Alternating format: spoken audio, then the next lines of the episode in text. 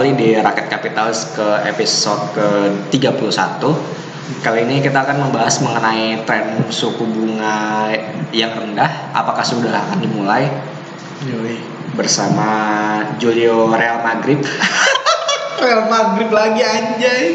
Dan juga Farhan. itu openingnya. dan gue Farhan Gue ini- fans Arsenal sih for your information. Iya, gue United dan nanya juga sih Oke oke. Eh, apa ini klub-klub Liga Inggris mediocre Anjir iya sih. Kemudian ini dua teman kita si Sigma sama dia Ya, lagi nggak bisa. nggak bisa hadir, jadi kita berdua aja. Oke, yang pertama, apakah sekarang sudah masuk tren suku bunga yang rendah? Yang pertama kita lihat dulu dari probabilitas pemotongan suku bunga The Fed. Hmm. Kalau kita lihat ya, udah terjadi sebenarnya. Itu The Fed kan nggak nurunin tingkat suku bunga di bulan Juni ini.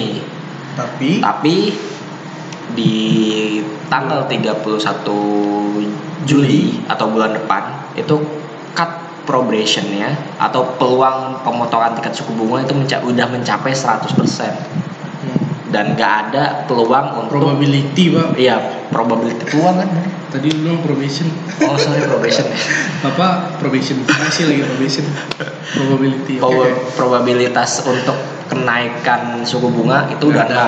bahkan ini sampai tahun depan sampai Juli tahun 2020 sampai setahun ke depan berarti indikasinya bahwa pemotongan suku bunga akan terus terjadi dan tidak ada kenaikan tingkat suku bunga Oh ini maksudnya 2019 tanggal 31 Juli cut.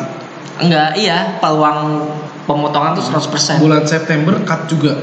iya Oh, jadi prediksinya konsensus Bloomberg ini. Iya, pada sebelum. Jadi udah kemungkinan tuh udah dipotong semua. At least oke lah di bulan Juli mungkin nggak dipotong, tapi bulan September, Oktober, Desember dan seterusnya tuh peluang gede banget untuk. Hmm. Tapi nggak mungkin lah ini pasti turun semua. Pasti di tahun ini paling turunnya sekali atau dua kali atau nggak turun sama sekali. Dan- paling sih. Dan itu 2 sampai Dan oh menjadi 2 sampai 2 setengah. ya peluangnya tuh paling 2,25. dua peluang yang paling gede tuh 2 sampai 2.25. Jadi 25 basis point doang peluang paling besar ya. Mm-mm. Jadi kalau 25 basis point jadi si the Fed-nya cuman 25 di uh, turunnya 25 basis jadi suku bunganya antara 2.25 sampai 2 persen. Nah ini juga kita juga lihat historical analysis uh, per meeting dari bulan Juli uh, 31 Juli 2019. Ini kalau kita lihat ya yang warna biru ini apa? Sorry, yang warna putih ini hike atau penaikan tingkat suku bunga dan yang orange ini adalah eh, probabilitas untuk dipotong tingkat suku bunganya. Kita lihat di tahun 2019 dari Januari sampai Maret sempat naik, probabilitasnya cuma turun lagi dan di bulan Mei ini malah udah naik banget. Jadi Hmm. kemungkinan besar bakal naik. Ini menurut si eh, futures Fed Fund Rate. Jadi apa sih banyak orang jadi Fed Fund Rate ini sebenarnya di futuresin Ada turunannya. ada turunannya jadi kayak ya judi the Fed lah eh ini bakal naik nih Emang kan suka unik-unik mereka pola pikirnya iya beda. gue nggak habis pikir gitu ya Iya. kebijakan suku bunga di Cheers. di tebak-tebakin juga sama dia Mantep ya. ada pasarnya nih katanya orang Bloomberg sih ada yang Pasar ya? ada pasarnya Menarik sih. yang bikin ini Anjay. bilang aduh Jago jago. Emang unik-unik sih. enggak lu kebayang gak sih kebijakan moneter di gitu di Bisa sih pak. Bisa banget. Nah yang judi kemarin mau 02 aja ada. Iya iya itu mah iya Tapi sebegitu kreatifnya mereka. iya maksud gua aduh iya ya please deh maksud Karena gua. mereka senang judi juga sih pak. tapi ini diresmi loh sampai ada di Bloomberg loh maksud Nah kan judi itu juga resmi pak. iya iya sih Tempatnya. iya oke kan US kemungkinan bakal motong tingkat suku bunganya. Nah selanjutnya tuh di negara mana aja ya kira-kira yang Yang udah yang udah potong tingkat suku bunganya? Yang pertama adalah India. India nih ya di bawah kita satu notch lah. Kalau kemarin nonton episode di 30 kemarin kita bahas mengenai Kalau nggak salah gara-gara rasionya dia udah ya ngelewatin ya. rasio utangnya udah rasio apa ya Rasio debt to GDP. Iya, debt to GDP-nya udah sangat tinggi, jadi Iya. belum bisa dinaikin. Kalau kita kan udah bagus Kita di bawah 30. di bawah 30. Nah, si India ini motong 25 basis point jadi 5.75. Tadinya sama ya kayak kita 6%. Iya, namanya. Iya, dia udah turun 5.75. Nah, makanya ke- eh, pas BI kemarin nahan tingkat suku bunganya ya kayak dibilang, ah lu nggak Kemarin persis ya ini kita take bulan eh, hari Jumat, Kamis kemarin hari Kamis kemarin di announce stay 6%. stay 6%. Maksudnya BI kayak, ah gitu aja nggak berani. Padahal India aja udah nurunin yang di bawah dia kan. Iya. Iya, kalau secara surat utang kan di bawah kita kan sekarang. Iya, Biar meskipun cuma satu notch doang sih. Oh, kalau nggak salah ya emang gara-gara si eh ya gua nggak tahu sih siapa yang ngomong ya.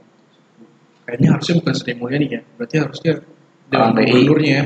Eh, bahwa dia ngikutin uh, Fed fund rate gitu. Nah iya, Tapi Sri Mulyani kayak beberapa hari yang lalu udah pernah ngomong, eh, eh waktu kita ini, waktu kita take minggu lalu ya, oh. Sri Mulyani bakal, eh Sri Mulyani bilang bahwa eh, Bank Indonesia bakal apa sih istilahnya adjust Iya, dia punya adjust. stance gitu kalau nggak salah deh. Kalimatnya gitu deh. Bakal Tapi soalnya gini loh, maksudnya mungkin si B ini nggak berani ngedahului the Fed, the Fed soalnya takutnya tuh the Fed malah Juli nggak turunin malah dia nahan terus-terus takut blunder. ini nggak ada yang benar-benar Iya, tak nasi the Fed nurunin kita nurunin duluan, rupiahnya nggak- stabil ya kan, ngerinya ke mana-mana. Itunya mungkin di situ ngerinya. Tapi yield 10 tahun kita kan sebenarnya udah wah udah tujuh poin berapa ya Iya, nanti juga ya. nanti juga kita bahas gitu situ. Jadi sebenarnya ya alasannya udah kuat ya kalau untuk nurunin sebenarnya. Surat utang kita udah naikin segala macam. Nah selanjutnya negara mana lagi? Kita lihat Malaysia. Hmm. Malaysia ini pertumbuhan ekonominya setahu gue sih udah mengalami penurunan ya. Jadi kayaknya dia mulai stimulus lagi biar ekonominya tuh bergerak lebih bagus lagi. Kok ini India ya? Sorry sorry ini Malaysia ya. Oh. Bukan salah. kata- Iya, iya. salah. Jadi si Malaysia ini cut rate-nya 25 basis point jadi 3 persen. Nah si eh, Malaysia ini ngarapin sih pertumbuhan ekonominya bisa lebih bagus lagi di kuartal-kuartal berikutnya sih. Nah, terus selanjutnya tetangga kita Philippines. Selanjutnya tetangga kita Philippines. Ini juga dia nurunin eh, 5 25 basis point, tapi dia turuninnya di Mei kemarin jadi 4,5 persen di Mei. Di Juni ini dia tetap nahan tingkat suku bunganya di 4,5 persen. Jadi ya Filipina kan sebenarnya hampir sama ya keadaannya sama kita, sama-sama negara current account deficit. Si India juga sama sih, India negara current account deficit. Terus apa eh, rating utangnya nggak beda-beda jauh. Makanya pas kemarin si Filipina naikin suku bunga ya negara Asia Tenggara yang lain juga naikin suku bunga.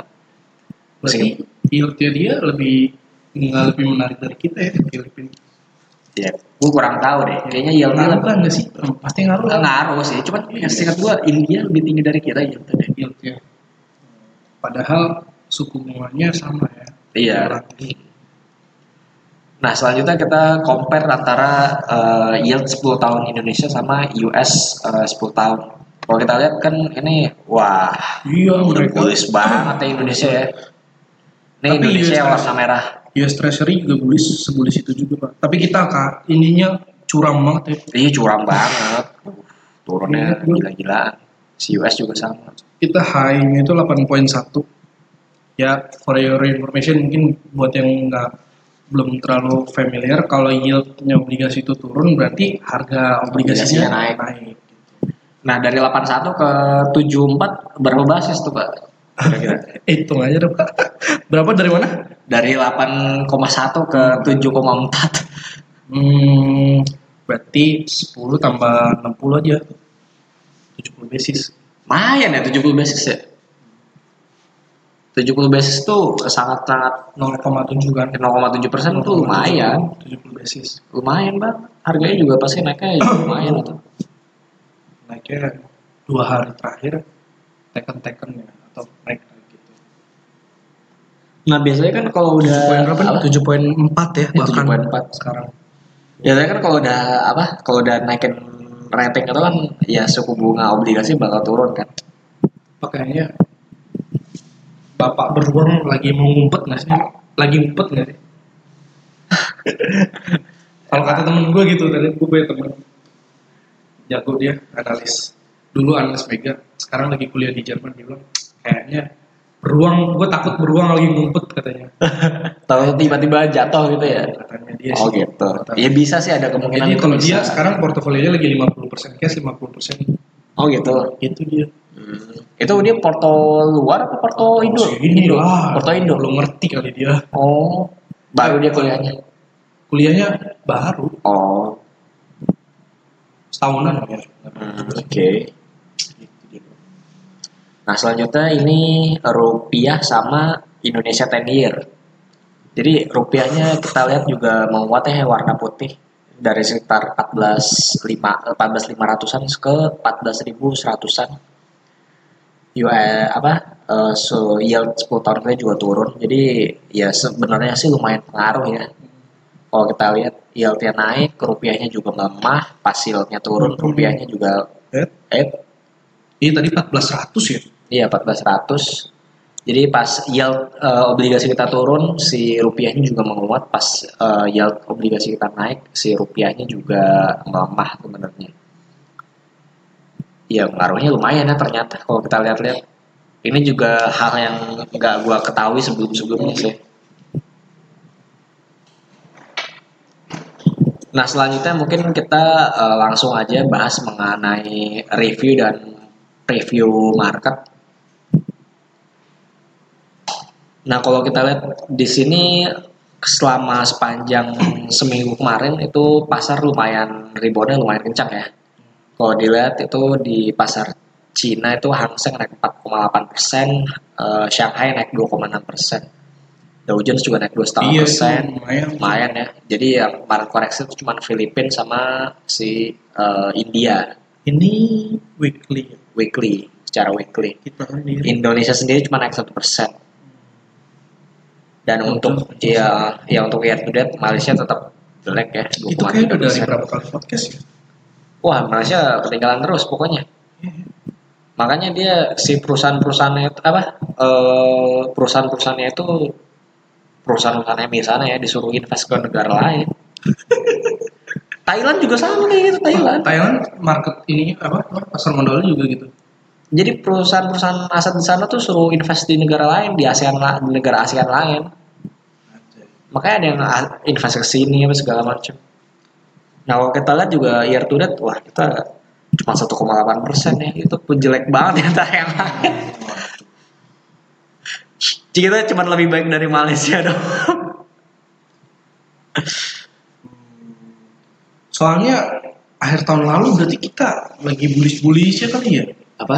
Akhir tahun lalu. Enggak, akhir tahun lalu kita naik. Cuman kan tetap aja minus. Minus 2 persen. Cuman pas mereka rebound kencang, kita nggak begitu kencang. nggak sekencang mereka. Eh, itu apaan? S Shanghai ya? Enggak, SCT itu ini Thailand. Lah, Thailand kencang 6,8 persen. Ini PSI, ini Filipina 7,6 persen.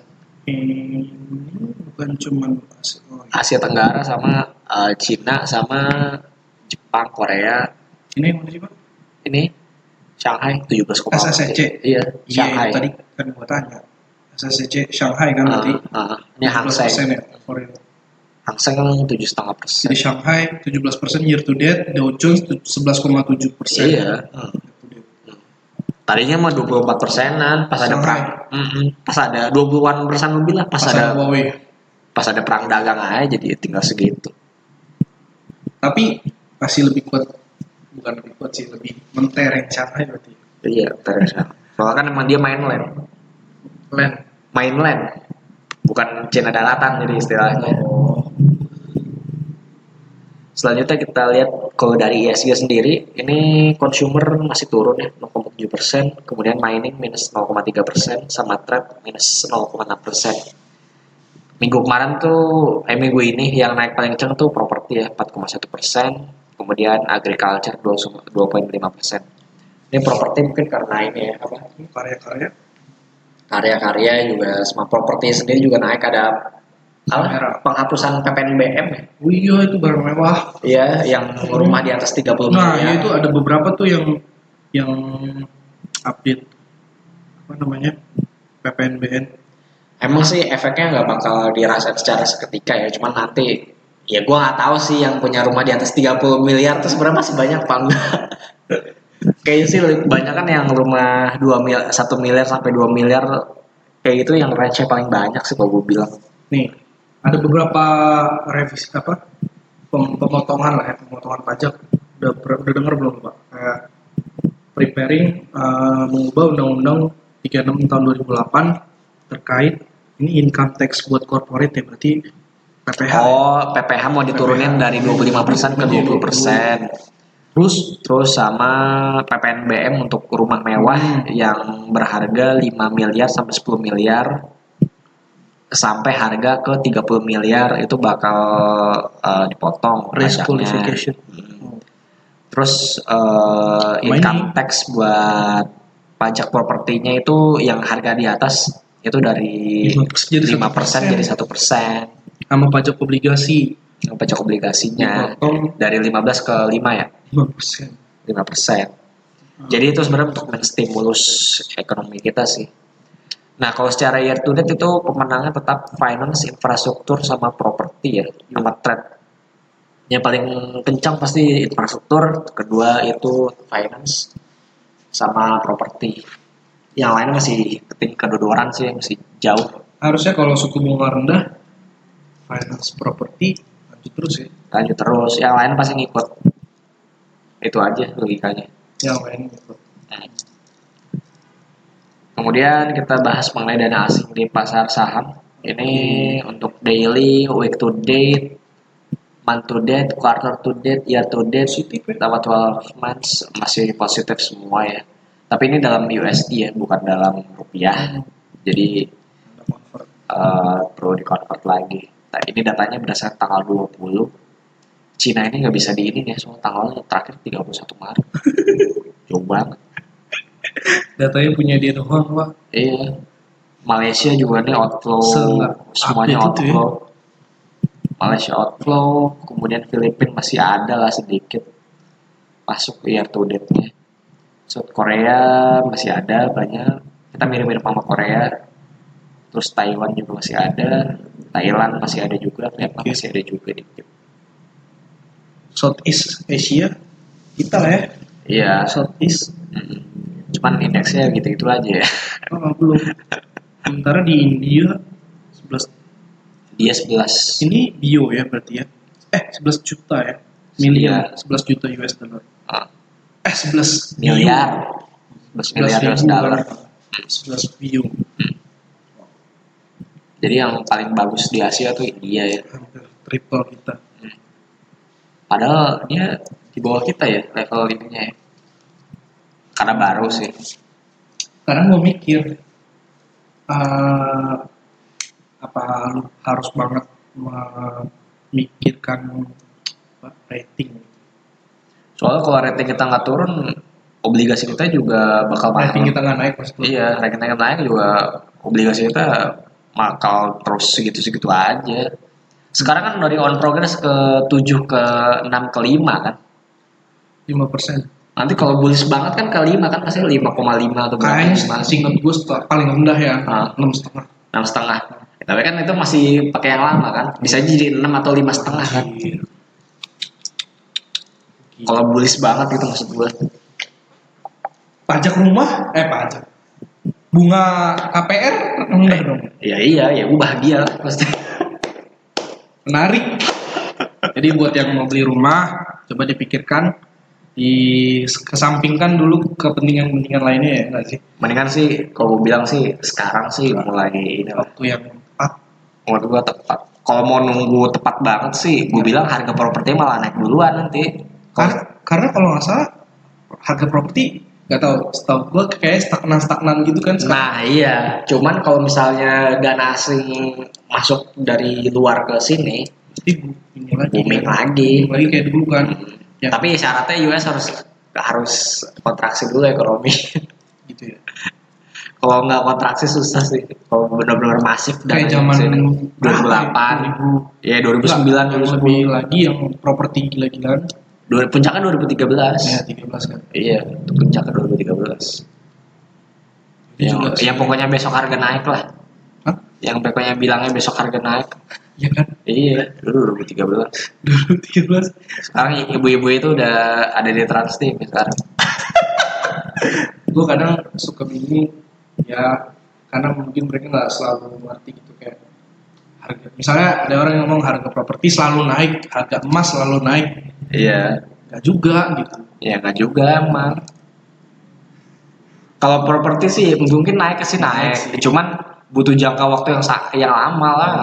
pada saat itu secepat itu Iya, pada saat Pada saat ini. 2012, 13, wow itu bisa naik 100% dalam hitungan bulan doang. Yoi. pada saat ini Pada saat ini ya naiknya biasa aja. lihat aja rumah-rumah kan ibaratnya Iya, naik sih naik, cuman lama. stagnan lah bisa dibilang kan Lama. Kejual juga rada susah. yang ngejual rumah juga susah ya Sekarang rumah lain laku itu antara saat 2 miliar ke bawah.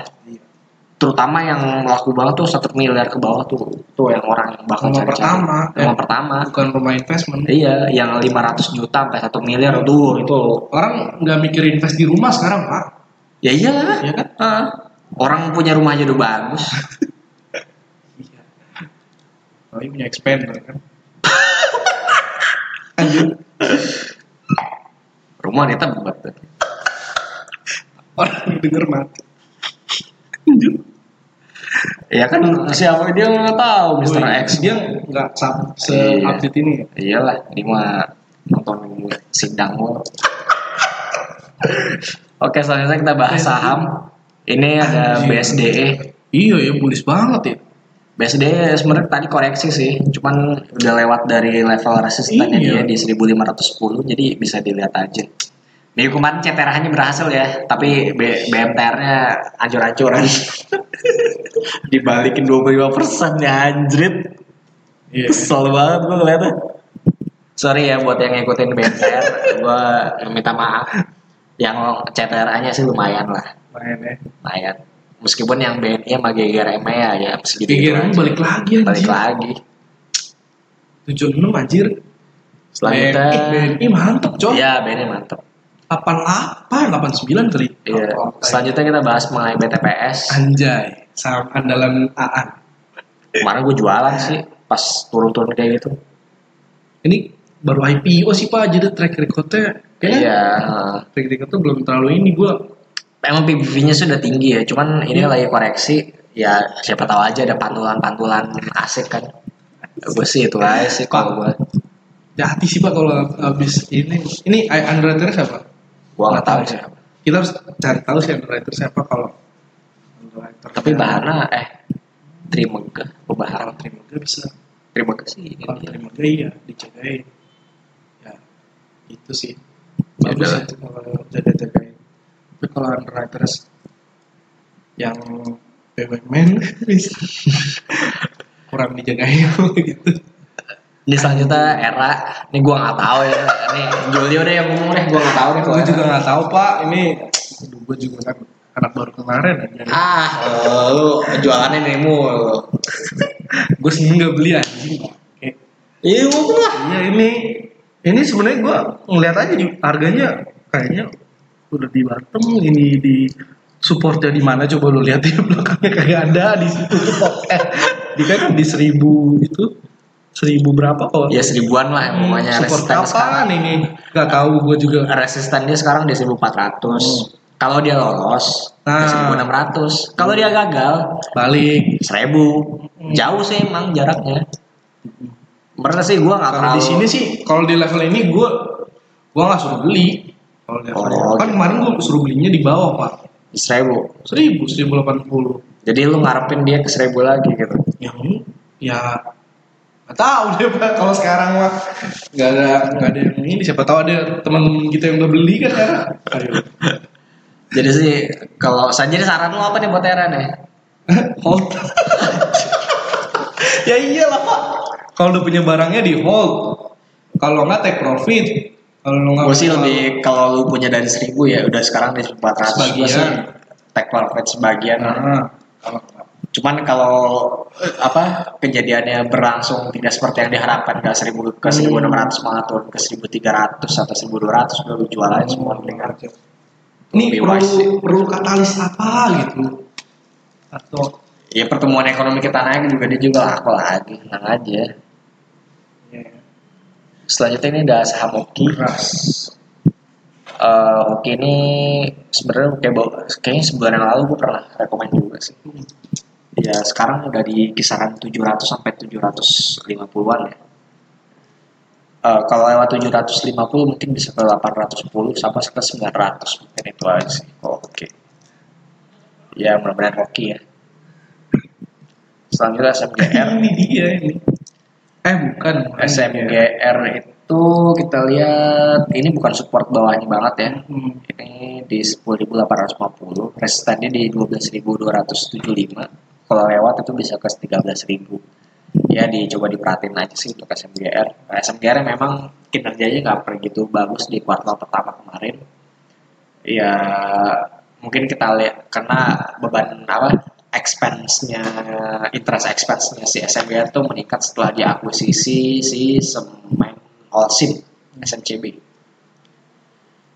Nah makanya itu eh, diharapkan mungkin kuartal 2 atau kuartal-kuartal selanjutnya itu udah berkurang efek dari eh, si SMCB-nya itu. Jadi diharapkan kinerja ke depannya bisa lebih baik lagi. Soalnya dia udah akuisisi SMCB, berarti produksinya makin banyak, salesnya dia juga makin luas atau penjualannya makin luas juga.